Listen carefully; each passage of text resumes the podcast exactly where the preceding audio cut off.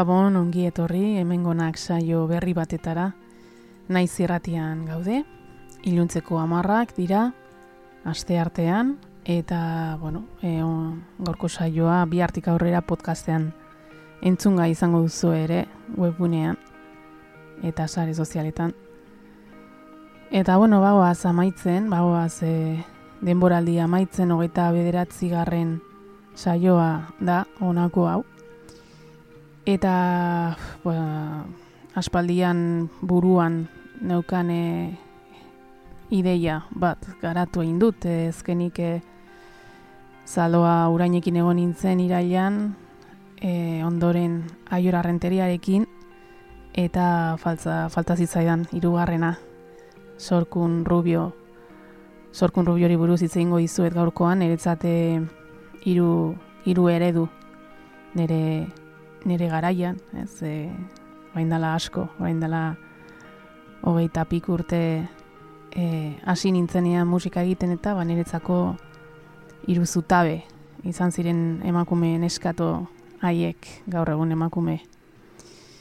Eta, bueno, zoritzarrez ezin izan dute sorkunekin hitz nahiko deskonektatuta dago e, mundu honetaz, estenaz, eta, eta bueno, saiatu gara, baino, baino zaila, zaila egonda, eta azkenian e, ba, bere, bere ibilbideari buruz hitz egingo dizuet, eta bera gogoratuko dugu.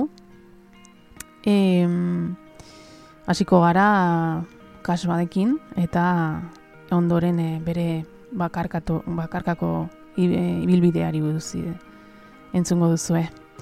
Bueno, e, egaz abestiarekin hasi gara, kasba den abestirik e, esanguratsuena, esango nuke beste, badauz beste, beste pare bat ere kasbadekin e, erlazionatzen dituguna, beti, baino nire egaz e, abestiak e, gogora ekartzen ditez, garaiura, laro geta ma sei, seiko abestia da. Eta hori guztia etortzen zait burura, giroa eta urte ilun haiek, ilunak eta eta argiak ere bide batez, ez e, e, zentzu, hainbat zentzutan e, gogoratzen dut ura. E, bueno, sorku niretzako emakume musikariaren eredu izan zen, esan duan bezala, e, zaloa eta jorarekin batera, laro, eta margarren amarkadaren amaieran. E, tokietan emakume musikari oso gutxi zegoen gara, jamatez be euskaraz egiten. Erdaraz pasiren beste batzuk, baino euskaraz oso gutxi. Esku batekin zenbatu zitezken. Eta, ba bueno, bera han ikusteak, entzuteak, ba indarra, konfiantza, ausardia, helarazten zidan e, abestiak eta ahots berezi hori. Etzuen beste ezerren beharrik. Garaian abeslariek e, gaina ez zuten egungo itxura zaindu beharrik, ez? Egungo outfitak eta, bueno, ba, gaur egun e, horren garrantzi handi ematen zaio e, itxurari, ez? Edo janzteko moduari edo irudiari. Eta garaian ez, ez genuen egiten, neskok. Eta, bueno, ura bakeroetan eta kamisetan agertzarekin bakarrik ja a, estenatokia e, argitzen zuen, ez? Eta liluratzen gintuen danak. Jarrera, esaten zitzaion. Jarrera izugarria zer, zeukan, zorkunek. E, neskato aurpegiaren eta emakumearen arteko e, oreka hori zeukan. Eta hotxi zugarri bat. Abestiak goitik bera jantzteko gai zen abeslari aparta tamalez esan bezala e, ez dut berarekin hitz egiterik izan baino badago sarean kas bat e, e, garai, garai hartan e, hartako testikantza oso interesgarri bat zorkunek berak deskribatzen duena zeri eutxi behar diot dokumentala da bi, bi ataleko dokumentala da eta musikakatea kanalak e, argitaratu zuen Eta bueno, eh, handik hartu dute pilo bat, euskaratuko dizuet, eta taldearekin, taldearen biografiarekin batera tartekatuko dut. Bueno, hasiko naiz zaiei buruz hitz egiten kasu bat rock taldea horeretan Gipuzkoan sortu zen, laro eta amaika garren urte inguruan. Kutsu arabiarreko izena duen euskal talde hau punk hardcoreetik eh, abiatuta, intentsitate eta melodia handiko rock kantuak landu zituen rigiarekin uztartuz. Hasiera batean, bi urtez beste abeslari batzuk frogatu ondoren, sorkun gaztetxoa batu zuten mikrofonora. Taldetik ideak Sokun Rubio, hautsetan gorka sesma gitarran, txiki baterian, gorka luba gitarran ere, txus eta geroago gorka lazkano basuan aritu ziren. Eta Carlos Osinaga txap e, basuan aritu zen ere, haiekin, esian, diskoaren garaian.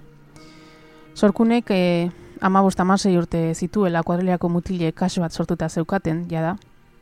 Eta e, garaian e, ba, mutil batek abesten zuen. Mutil honek tabernan lanean ordu asko ematen zituen ez, ba, taldekoek sorkuni eskatu zioten haien abeslari izateko. Kuadrian hainbat neskak abesten zuten, baino alare sorkuni aipatu zioten ideia. E, eta froga egin zioten, jingo de lynch, de lunch taldearen e, a, 13 abestiarekin froga egin zuten. E, eta zergaitik sorkuni ba izan ere akanpadan zeudela, gorka sesmak e, gitarra hartu eta abesti hau jotzen hasi zelako eta sorkunen ahotsarekin ba geratu zen, orduan erabaki zuten ari galdetzea eta froga bat egitea. Taldearen izena kas bat korkaren amari, otu zitzaion, esaten du, kontatzen du, sorkunek, Marokon egindako bidai batetik, ba, hitzarekin liluratuta, itzuli zen, eta gorkak etxean izen bat behar zutela komentatu zuenean amak hori aipatu, eta berak taldekidei gustatu gustatuko te zitzaien, ba, e, galdetu zien. Eta orduan, sortu zen, kas bat. E, hori bai, originala baino, kas bat hitza nahi, nahi izan zuten modura idatzi zuten, amaieran de jarriz. Jingo de Lunch edo Bad Brains bezalako rock taldeen eragina, ia ez ezaguna zelako e, estenan, ba, mota horretako rock doinu gogorrei e, neska baten ahotsa gehitzeak e, oso onespen zabala izan zuen Euskal Herrian. Eta kas bat nona jotzen hasi zen, Euskal Gaztetxe eta txoko guztietan. Taldeak e, MTE izeneko talde elkarte batean entzeatzen zuten, horeretan, eta bertako talde guztiek e, aurkezpen zede bat grabatu zuten ezautzera emateko. Orduan txe, laro eta malauan grabatu zuten haien lehen abestia, nazkauta, Eta jada zuzenekoa jotzen hasi zirelarik, ba, elkarteak diskoa esan ozenki rekortzera bidali, eta Fermin Muguruzak entzun zituenean, haien kontzertu batetara joan zen, horeretan, eta esan ozenkirekin grabatzera gonbiatu zituen. Ondoren, Ferminek negu horriaken ideia zabaldu diskoaren nire baitan daude biak, abestian abesteko proposatu zion sorkuni, eta honekin batera hitz egin jaialdian parte hartzeko gonbidapena heldu zitzaien. Esan ozenki irekin etzegoen talde bakarra ziren, kasbak, eta hortaz diskoetxean sartzeko gonbidapen bezala hartu zuten. Guztira, irulan grabatu zituzten, e, esan ozenkirekin, eta sorkune gogoratzen duenez gara hartan gauzak heldu bezala onartzen zituzten, dena oso errazatzen kontzertuak heltzen ziren, abesti bat grabatzeko aukera, ondoren maketa grabatzeko aukera, Ferminen gonbidapena, diskoa eta hortik aurrera ja kontzertu mordoa. Bere ustean gazte baziren ere taldeak disiplina izugarria zeukan. Aste bururu, aste bururo jotzen zuten, furgoneta pres beti, eta sorku manager lanetan aritzen zen etxeko telefonotik. Izan ere txandakatu, azkenian txandakatu behar izan zuten, managerraren rola ze nekagarria zen, egainera etxera ditzen zuen jende guztiak, e, zegoen mugikorrik, klaro, eta ba, bueno, gurasoak ere. Bueno, e, aipatu dizuet, nola Fermin Gumuruza ba, e, kasua den fijatu zen, eta nola bere sorkunen ahotsarekin liruatu egin zen, eta entzungo ditugu biak, Fermin eta eta sorkun nire baitan daude biak e, abesti bikaino horretan, negu horriaken e, ideia zabaldu diskotik, eta ondoren jarretuko dugu, kasua den musika entzuten. Nire baitan daude biak, negu horriak eta sorkun.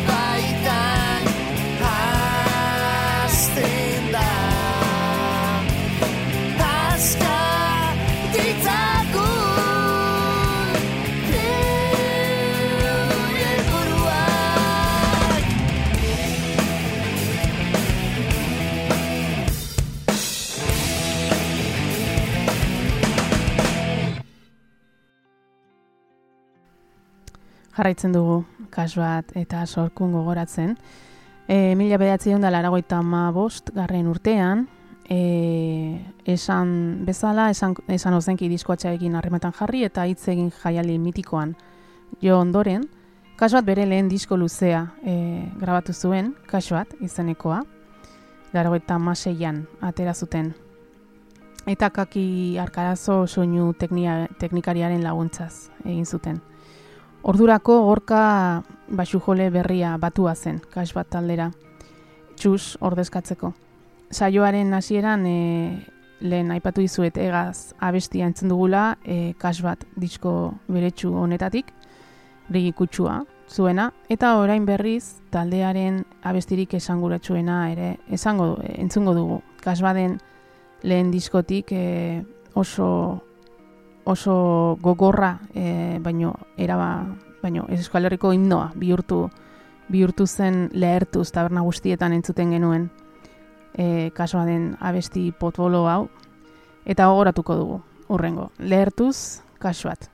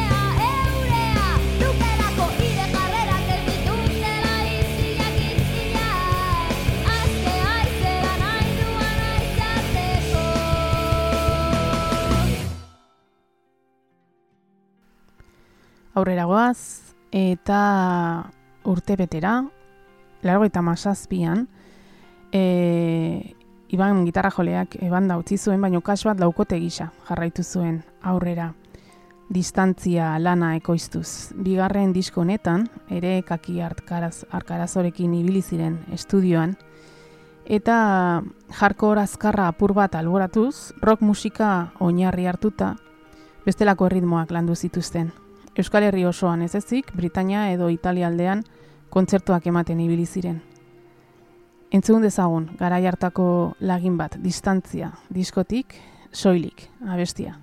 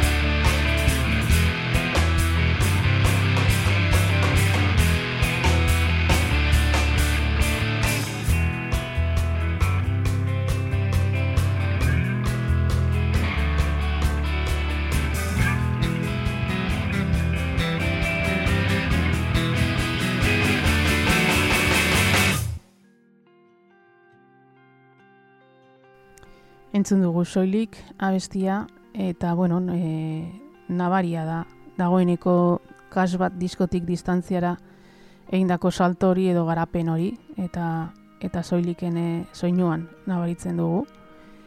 Eta goazen larogeita emeretzi garren urtera, esiak, kasbaden e, irugarren diskoa izango zenaren kantuak e, idazten hasi ziren eta e, baita grabatu ere urte berean, giro posrokeroagoak zituzten. Carlos Lisabo txap batu zitzaienez, intentsitatearekin gehiago jolastu zuten, eta emaitza ba esiak, e, disko bikaina da, nire gogokoena, esango izuet, baina bere garaian, e, e, aurrekoen oi hartzuna lortu etzuen diskoa izan zen. Agian aurreratu egin zelako, ez? Laro gaita meritzirako oraindik post-roka, bueno, e, oraindik jendeak etzeuen e, etzeuen oituta, ez? E, kaso adi ez, leitzen zitzaion e, bestelako soinu bat, eta agian ez ustean harrapatu zituen entzuleak disko honek,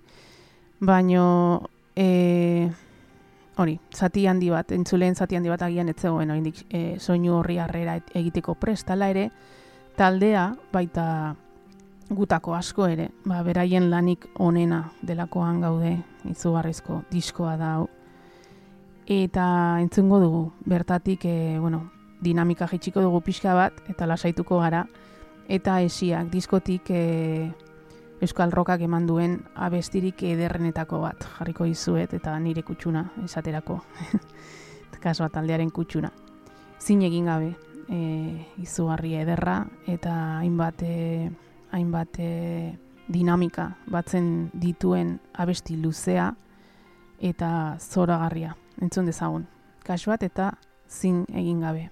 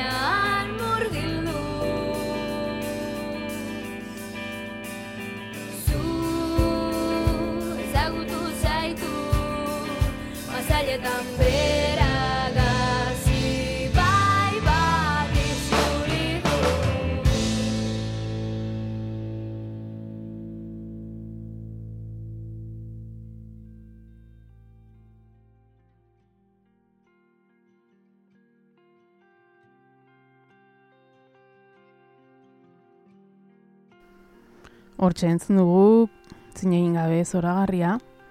Eta, bueno, epe laburrera kas bat taldekoek agur esatea pentsatu zuen lehen aldiz, eta hainbat proiektu berriei heldu heldu zieten. Adibidez, sorkun Fermin Muguruza laguntzeaz gain, ba, bakarkako lau disko kaleratu zituen ondoren, txiki peiremans edo lau itzal taldeetan ibilitzen, gorka sesma berriz de Jotox taldeko soinu teknikaria izan zen, eta agorka alazkano trumbo taldeko kidea izan zen. Hala ere, 2008 garren urteko urtarrilean, kantu berriak sortzen ari zela iragarri zuten kas bat. Taldekoek eh, ez ustean, bere beraien laugarren diskoa, arrakala, 2008an argitaratu zuten, bonberenea estudioetan, ekoiztu zuten Carlos Osinagaren laguntzarekin. E, sorkunek e, horrela gogoratzen du, e, arrakalaren edo haien itzuleraren e, garai hori. E, esiak atera ostean taldea banatu zenetik elkarrekin jotzeko aukerarik etzen egon, baina halako batean, horeretako preso gaixo baten kasuari oi hartzuna emateko ba, antolakuntzak e, bilduma bat grabatu zuen eta e, kas bat aldeari abesti batekin kolaboratzea eskatu zioten. Eta orduan taldea elkartu eta epe laburrean, oso, oso epe laburrean sortu zuten abestia. Eta haiek harritu egin ziren, ez? E, olako bapatekotasun horrekin aintzinako disiplina eta errastasuna gordetzen zutela ikusita. Orduan txe, Carlos Osinaga txapek idatzi zien, esanez, e, disko bat grabatuko zutela amestu berri zuela. Eta horrekin batera, ba, bromate artean e, euren buruei erronka proposatu zieten, e, baita txapekin e, e, bromeatu ere. Eta emaitza ba, hori, arrakala izan zen, 2000 eta amalogarren urtean. E, bertatik e, ekarri dizuet e, abesti homonimoa, arrakala izeneko e, abestia. Eta hori entzungo dugu jarraian, arrakala.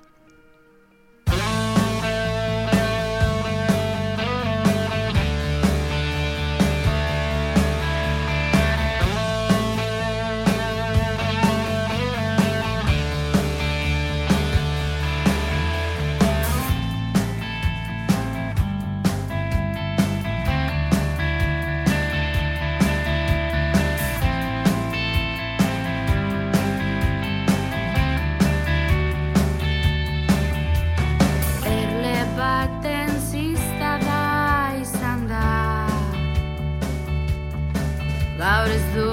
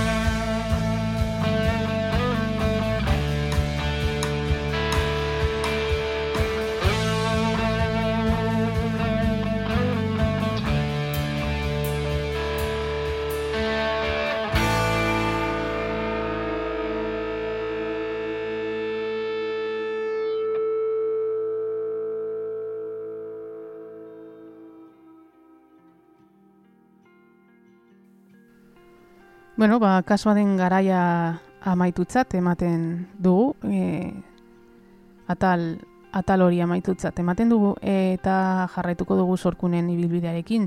Beraintzat jadanik abesteari usteko unea e, aspaldian heldu zitzaion, beritzetan gogorik pizten ez zitzaiolako, baita alaba bat izan zuelako ere, eta bueno, bestelako mo, bestelako zereginak eta eta bete beharrak zituelako buruan eta gogoan, ez? Ez zuen bere burua beste disko bat eh, grabatzen ikusten. Arrakala diskoaren bira egiten hasi ziren arte. Hortxe itzuli zitzaion, aurrera egiteko gogoa. E, ilusioa, bizitzak ez ustean harrapatzen zaituela onortu zuen orduan. Zeukan pentsaturik e, berriz itzultzea eta hala ere e, gogoa piztu zitzaion berriz. Berarentzat privilegioa da abestearekin gozatu eta gauzatu ahal izatea, naiz eta gora berak izan. Zorkunentzat musika bere ahotsa hainbat erregistro eta arlotan probatzean datza. Gogoratzen du nola gaztetxeetan jotzea aprobetsatu beharreko aukera zen, herri mugitzea, kalean kontzertuak ematea, garra- garrantzi handiko jardutea zenean. Edozein festa kontzertu batekin ospatzen zen garai hartan, partidu edo elkarten mitinak e, inkluso. Esaten du gaur egungo gazteek ordea ez dutela musikarekiko horren beste interesik agertzen, behintzate Euskal Herrian egindako musikarekiko interesa. Gehiago borrokatu behar dia dela dio, gehiago bilatu, edo agian bestelako generoak entzuten dituztela e, gehiago gazteek bat sound system edo esnebeltza taldeen kasuan adibidez ez baitu sorkunek e, interes faltarik somatzen. Gaztetzen beheraka da herriaren arima izateari utzi izan baliote bezala ere horrek eragina izan zuen. Eta eta gogo eta hori e, adierazten du sorkunek e, dokumentalean. Em, guazen bere bakarkako ibilbidea birpasatzera. Aurretik, e, Fermin Muguruzarekin emandako urteak aipatuko ditut, DAP manifestekin egindako mundu biran ahotsan lagundu baitzuen sorkunek. Em, bueno, e, 2000 batean gaude, eta kas bat desegitean, sorkun bere lehen bakarkako diskoan pentsatzen hasi zen, ona, izeneko e, diskoa metak e, diskoetxarekin argitatu- argitaratu zuena 2002an. E, kanda, neu bateko gitarra, atxuz, basua, neu batean ere bai, Iker programazioetan eta Home, e, e, Exceleko bateria, musikariek osatzen dute taldea. Diskoa garate estudioetan grabatzen da, ando hainen, kaki arkarazorekin, eta, e, bueno, estudioa karkia arkarazorena da, baino Carlos Osignagarekin grabatzen dute. E, eta baita aritz e, arreguirekin e, garaian zen taldeko e, kidea eta gaur egungo e, entzute handiko teknik- teknikaria. Sorkunek e, luxusko kolaboratzaileak izan zituen inguruan Xabi Strubel, Lander Garro, Fernando Sapo, e, Kuraia taldeko abeslaria, Fermin Muguruza eta Beñat Garden besteak beste. Testuak, gehienak sorkunenak Japoniar jaikuen antzeko poesia txikiak dira. Gai asko izan hain zuzen ere Japonian e, da manifestekin e, egindako egonaldietan e, idatzi baitzituen. Horregatik diskoaren izenak, ona, emakumea esan nahi du japonieraz. Diskoa pop eta hardcore melodikoen artean dago, eta kritika karrera ona egin zion. 2003-tik 2000 laura Fermin Muguruzaren bakarkako diskoa aurkeztuko du, sorkunek Fermin Muguruza e, kontrabandak, inkomunikazioa e, diskoak, eta sorkun e, bori, ba, berarekin e, e, bidaiatuko da, bidaiatuko du e, munduan zehar, eta e, biak batera aurkeztuko ditu ona eta inkomunikazioa. Kontzertu berean. Euskal Herriko eskubi politikoen aldeko bizikara jaialdian aurkeztu zituen, aurke- aurkeztu zuen ona. Bi urte hoietan, Sorkun eta bere taldea Euskal Herrian eta Espainiako hainbat herritan hasi ziren disko aurkezten eta Madrilgo Festimat jaialde, jaialdian ere jo zuten. Bestalde, kontrabandarekin Europa, Japonia eta Estatu Batuak, e, oraingoan San Francisco eta California, Uruguay, Chile, Argentinan egon ziren. E, orduan kontrabanda abuztuan desegiten da, Bilboko aste nagusian, beraien azken kontzertua emanez. Eta biraren emaitza gisa, Apolo aretoa, Bartzelonan, e, e, ba, CD-a argitartu egiten da. E, eta Bartzelonako Apolo aretotik kontrabanda igaroz izan izana zuzenean jasotzen jasotzen da. Bertako zuzeneko bat grabatzen dute. Ba, oazen e, ona diskotik e, gizaki euskorra entzutera abesti bikaina eta denok gogoratzen duguna zorkunen e, aurkezpen kantu hau zorkun bakarrik edo bintzate neu batekoekin e, e, grabatuako lehen bakarka, bakarkako disko horren e, lagina gizaki auskorra.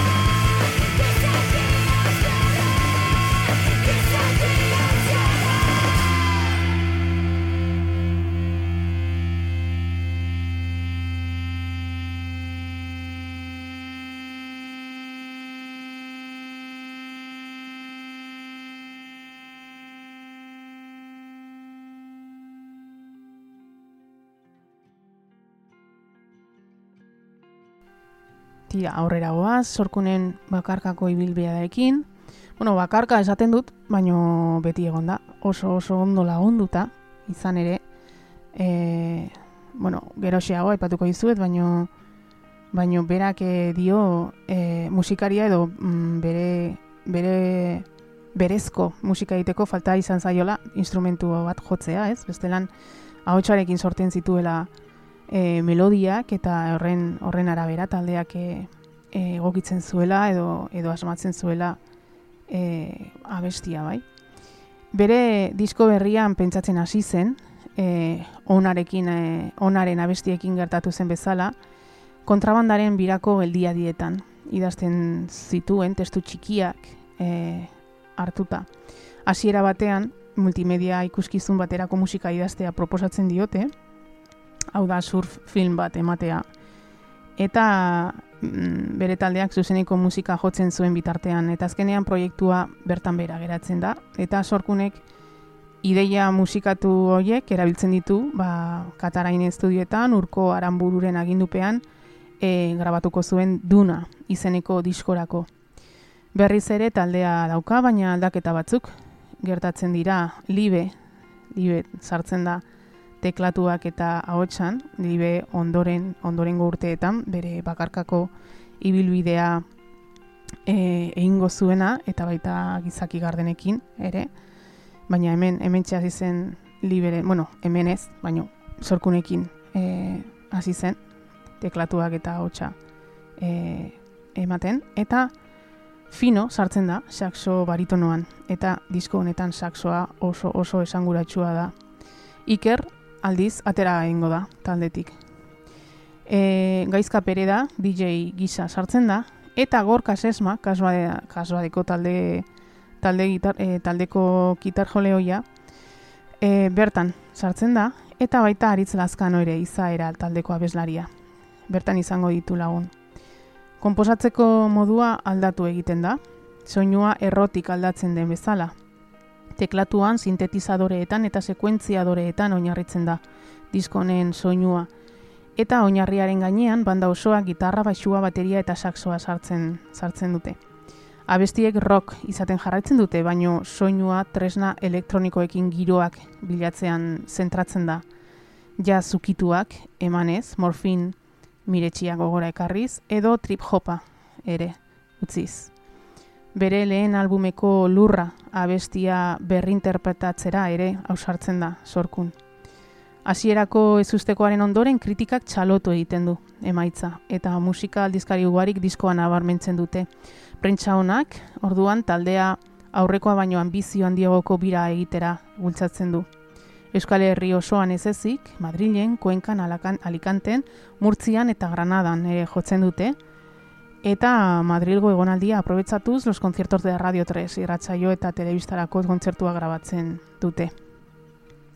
Disko izugarria da, duna, nire, nire kutsunena, e, eta elduna zazu abesti, el, abestia entzungo dugu e, diskoaren, uste dut ez dut, ondo baina uste dute e, ireki edo hasiera kanta izan zela, albuma e, abesti honekin e, irekizuela, Eta armi arma ere oso gustoko dut diska honetan. Armi arma abestia baina bueno, entzungo duguna ezagunagoa da. Heldu nazazu sorkun eta e, duna diskotik.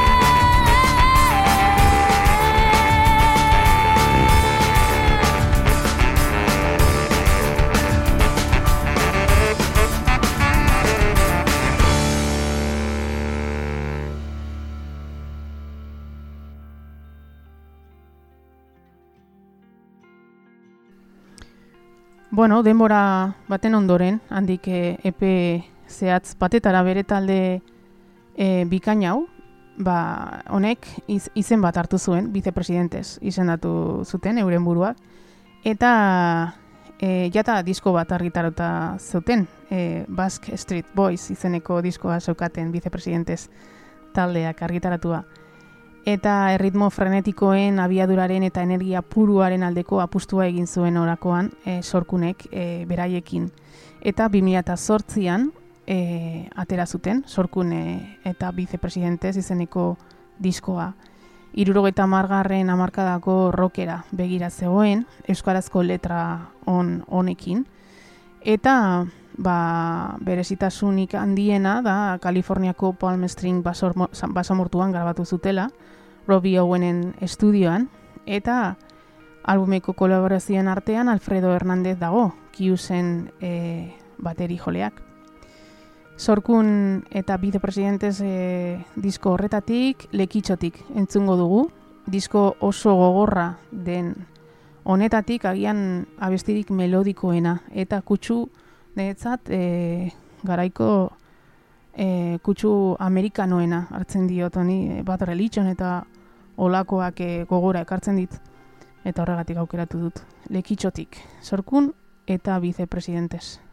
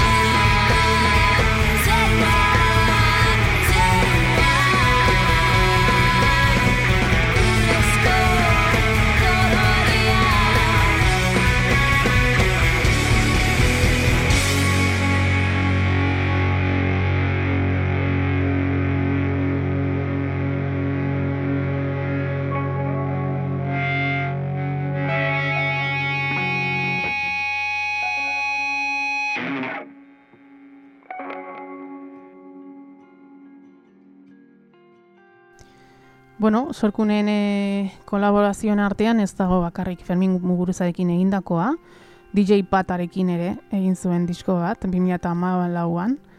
E, sorkunek eta DJ Patak euren indarrak proiektu berri batean ba, batu zituzten, hainbat leku eta estenatokitatik e, urtetako joan etorrien ondorioa izan zana.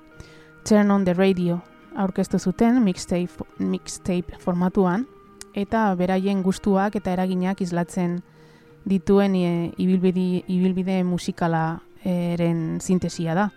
Bertan, Telmo Trenor, Eider Rodríguez, DJ Mau, Kenitra, bat, saust, bat sound system e, taldetik, All in Beats, Inigo Legorburu, Cash bat eta beste lagun batzuk e, izango dira. Lana, irureun unitateko edizio mugatu batean salge, salgai egon zen, baina hala ere bankanpen entzungai duzue. Ez dute lan honetatik e, abestiri jarriko aurrera egin behar dugulako eta amaitzen joan behar dugulako, baino, bueno, helduko gara, azken, sorkunen azken e, etapara, momentur arte. E, azkenik, 2008an, ziklomorfosia e, bere azken lana heldu zen. Zazpi urtez horrela argitaratu gabe egon ondoren, e, horeretako abeslariak musika oinarri beltz argiak dituen disko bat landu zuen. Atzean utzi zituen bere azken garaiko erritmorik e, gogorrenak eta oldarkorrenak, eta entzuleek bere ahotsaz gozatu ahal izan zuten lan baten erritmo pausatuenekin. Boteretsua, sakona, zirraragarria. Kritikaren esanetan errenteriakoak urte asko itxaroten daramaguna erakusteko bere ahotsa soul klasikoenaren mailara iritz dadin, ba, bertan islatu zuen eta horretarako noski konpainiarik onenean itzuli zen Mikel Romero, Freddy Pelaez, Aritz Luzuriaga eta Juanma Urriz musikarien eskutik. Ziklomorfosian zentratuz, sorkunek esan zuen, diskoa oso musika pustu erradikala izan zela, denetarik dagoela, badago diskoarekin maite mindu den jendea eta badira ezer ulertzen ez dutenak esan zuen. Agian azken hauei esan beharko litzaieke soul, funky eta reggae doinuko musikaz aratago gakoa ere letretan dagoela. Arretaz entzun beharreko testuak dira, arreta jarri beharreko letrak. Argi musikalaren eta mezuaren sakontasunaren arteko kontrastea ikaragarria da. Hala erabaki zuen, berak, Eider Rodriguezekin batera ba, letrak idatzi baitzituen. E, Eider Rodriguezek idatzi zituen testuak edo letrak eta eta sorkunekin e, landu. Eta bea, sorkunen hitzetan oso ondo ezagutzen nau, e, Eider Rodriguezek, eta gai guztiek hitz egiten dute nire historio ez, lagun batek egin dituelako. Gehienako soilunak direnez, musikalki beste ukitu bat eman behar zitzaiola uste zuen, sorkunek, eta horregatik ba, dantza musikatik gertu dauden estiloak eh, jorratu zituen, ironia, utxa. Bueno, e, sorkun e, ziklomorfosia atera eta bueno, urte batzuk lehenago ziklotimidia, ziklotimidiarekin diagnostikatu zuten eta garaian hartu, hartu, aitortu zuen disko hau e, gainditutako gaitz horren erantzuna zela. Musikak egoerari buelta emateko behar zen metamorfosia eragin zuela. Horregatik aitortu zuen baietz disko, diskoa askatzailea izan zela. Berriro abesteko indarra eman zion, 2008ko kas bat aldearen biraia e, e, izan zen, hori, baino konturatu zen, etzela hain zaila itzultzea, eta orduan bakarkako disko hau noski sentsazio eta sentsazio e, arekin eta osnarketen e, gailurra izan izan zela, sentsazioarekin egin zuen eta eta hura izan zen e, gailur hori.